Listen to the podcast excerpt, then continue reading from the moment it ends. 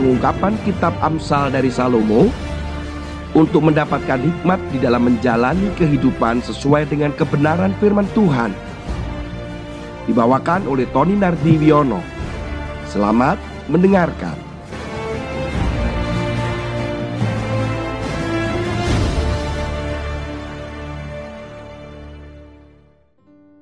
Saudara yang kekasih di dalam Tuhan, Shalom. Kita akan membaca renungan firman Tuhan pada hari ini terambil di dalam Kitab Amsal pasal 10 ayat yang ke-15. Kota yang kuat bagi orang kaya ialah hartanya. Tetapi yang menjadi kebinasaan bagi orang melarat ialah kemiskinan. Saudara yang kekasih di dalam Tuhan, Seringkali mungkin saudara dan saya ketika melihat orang yang lebih dari kita, baik itu kekayaan, baik itu kemampuan, pengetahuan, kekuatan.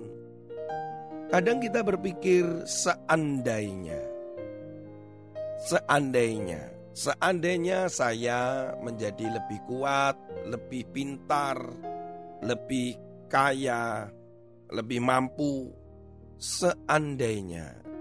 Saya mempunyai kesempatan yang sama seandainya. Saya memiliki uang deposito seandainya. Semuanya selalu berandai-andai sepertinya dibawa dalam sebuah mimpi demi mimpi. Ayat ini sebenarnya berbicara tentang bagaimana orang yang kaya itu dia melihat hartanya itu menjadi kuat gitu. Dia merasa bahwa sepertinya cara pandang ini yang ingin diungkapkan oleh penulis Amsal bahwa sering kali manusia itu melihat kekayaan itu seperti menjadi seandainya menjadi kekuatan menjadi andalan di dalam hidupnya.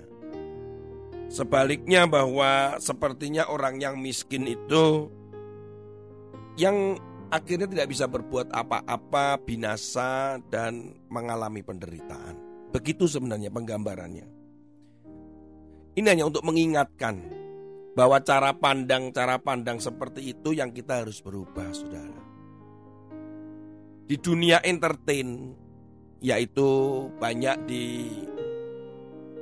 YouTube ya terutama hari-hari ini adalah bagaimana orang-orang yang selebritis yang kaya, yang populer, yang kadang dijuluki juga sebagai sultan. Kalau saudara mendengar istilah sultan itu adalah gambaran orang yang sepertinya uangnya tidak berseri atau tidak ada habisnya begitu. Dan mereka bisa berbuat apa saja, ngapain saja. Dan itu sempat dikritik oleh banyak netizen. Tetapi faktanya penonton untuk hal-hal seperti itu tuh banyak sekali saudara. Jutaan. Dalam kondisi pandemik begini orang mencari sebuah pemuasan dengan hanya melihat sebuah mimpi. Dan dalam mimpinya pasti berpikir bahwa seandainya saya seperti itu, seandainya sehingga ada satu pendapat dari salah satu trendsetter atau selebritis dia berkata begini, yang saya pikir menarik juga untuk ditanggapi. Dia berkata bahwa para tanda petik sultan itu ketika dia menunjukkan itu dia sudah nggak berpikir apakah itu mendidik atau tidak. Yang penting bahwa yang menonton banyak, followernya banyak, pengikutnya banyak. Dan itu menghasilkan uang bagi mereka. Dan masalahnya adalah penonton atau pemirsa itu mencari kok, followernya mencari, tetap mengkonsumsi itu tiap hari. Membedah rumah ini, kemudian melihat kekayaannya si itu, kemudian melihat event atau pestanya si dia, kemudian pergi ke mana, itu selalu dikonsumsi oleh mereka. Dan itulah yang disebut variety show. yaitu satu pertunjukan yang memang ya seperti itu nggak peduli lagi dengan pendidikan atau mendidik atau tidak.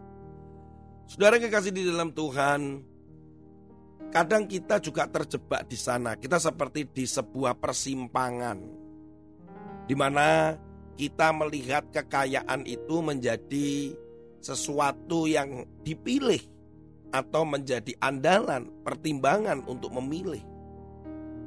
Sama dengan kejadian yang terjadi pada Abraham dan Lot pada kejadian pasal yang ke-13 Saudara perikopnya di situ dikatakan Abraham dan Lot terpisah. Apabila kita melihat dari ayat yang pertama, kita tahu bahwa kejadiannya adalah para pegawai atau para gembala dari Lot dan Abraham sering terjadi perselisihan karena tempat di mana domba-dombanya mengambil rumput, makan rumput itu di mana dan seterusnya akhirnya sering terjadi perselisihan.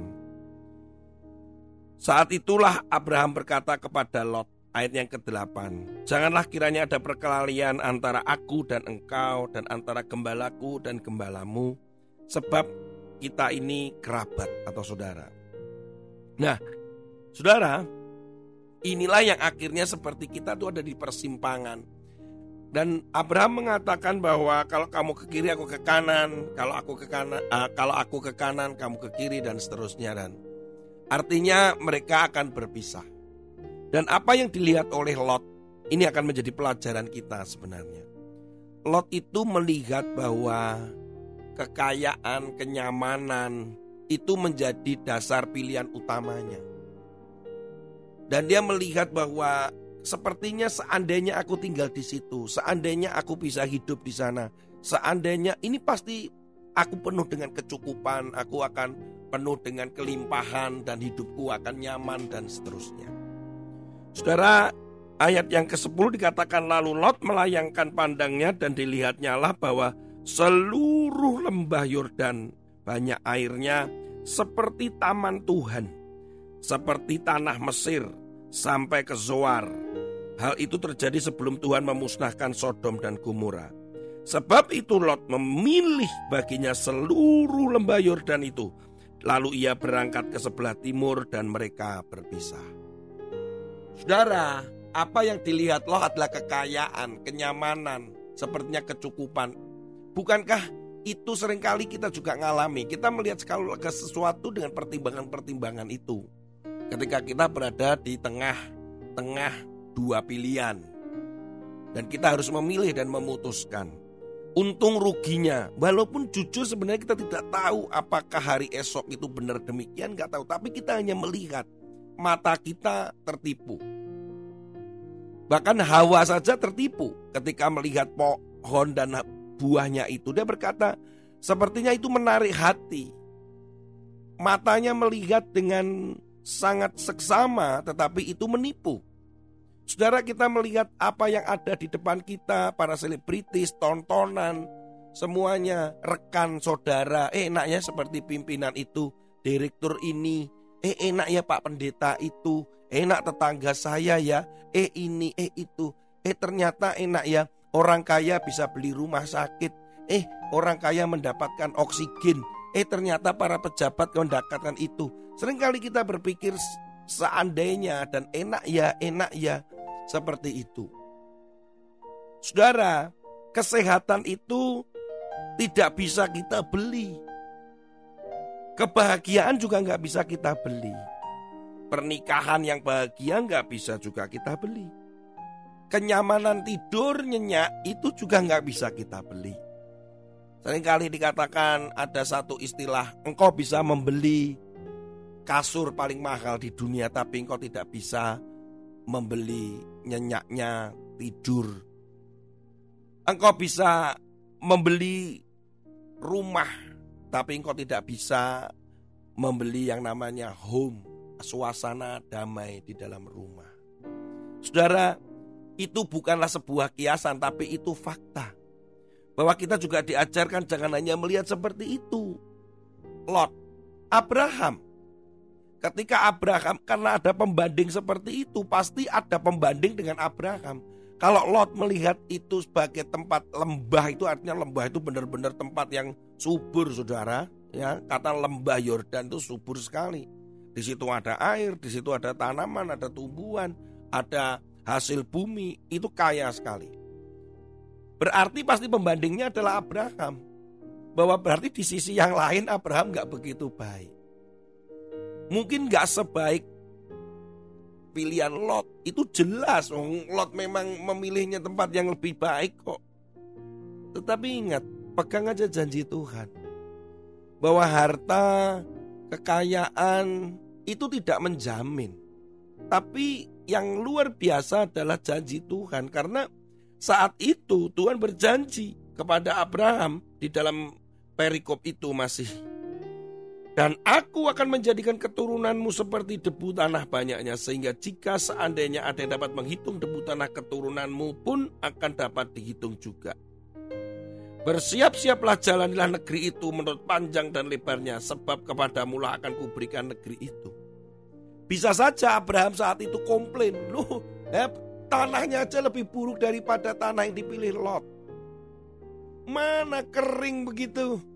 Tapi bersyukur Abraham lebih memegang janji daripada tempatnya. Dan saat itu hal pertama yang dilakukan oleh Abraham apa? Ketaatan. Taat dia. Dia tidak menjadikan standar harta itu menjadi standar kehidupannya dia. Fasilitas itu bukan menjadi standar kehidupannya dia. Tetapi dia tetap memegang janji Tuhan. Maka saudara, marilah kita taat apa yang Tuhan mau dan dari sudut pandang atau cara pandang Tuhan. Yang kedua adalah apa? Dia mendirikan mesbah. Artinya bahwa itu sebagai ucapan syukur. Bagaimanapun keadaannya kita mengucap syukur. Kita mengutamakan Tuhan. Ketaatan kita itu harus diikuti dengan yang namanya ucapan syukur mengutamakan Tuhan. Jadi ketika kita taat berarti kita mengutamakan Tuhan dengan kita mengucap syukur. Abraham mendirikan mesbah itu. Dia mendirikan mesbah itu bagi Tuhan di dekat Hebron. Saudara lihat, akhirnya pasti tahu mana yang diberkati, mana yang tidak, mana yang dilindungi dan mana yang tidak. Mari saudara hari-hari ini perlu ketaatan.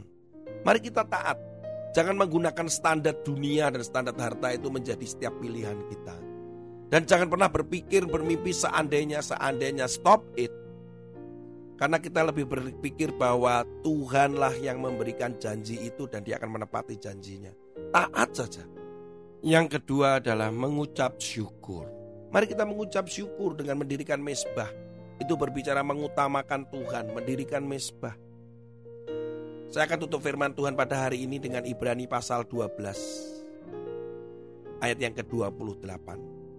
Jadi, karena kita menerima kerajaan yang tidak terguncangkan, marilah kita mengucap syukur dan beribadah kepada Allah menurut cara yang berkenan kepadanya dengan hormat dan takut. Saudara yang kasih dalam Tuhan, mari jangan hidup di dalam mimpi-mimpi dan berandai-andai marilah kita lebih mencari kehendak Tuhan, mengikuti Dia, kemudian mengutamakan dan menjadikan Dia prioritas dan selalu mengucap syukur. Tuhan Yesus memberkati. Haleluya.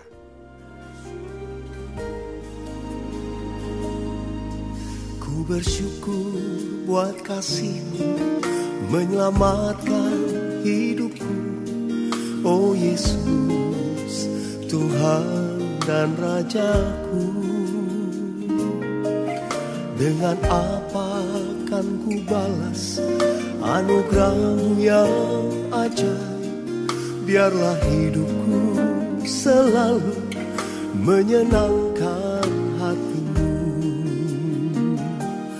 Betapa kagum ku melihat perbuatan tanganmu Ajaib dan mulianya kuasamu nyata dalam hidupku Sungguh ku tak dapat mengerti besarnya karyamu Oh indahnya, oh heran kasihmu. Betapa kagum ku melihat perbuatan tanganmu Ajar dan mulianya kuasamu Nyata dalam hidupku Sungguh ku tak dapat mengerti Besarnya karyamu. Oh indahnya, oh heran kasihmu. Sungguh ku tak dapat mengerti Besarnya karyamu. Oh indahnya, oh heran kasihmu Sungguh ku tak dapat mengerti Besarnya karyamu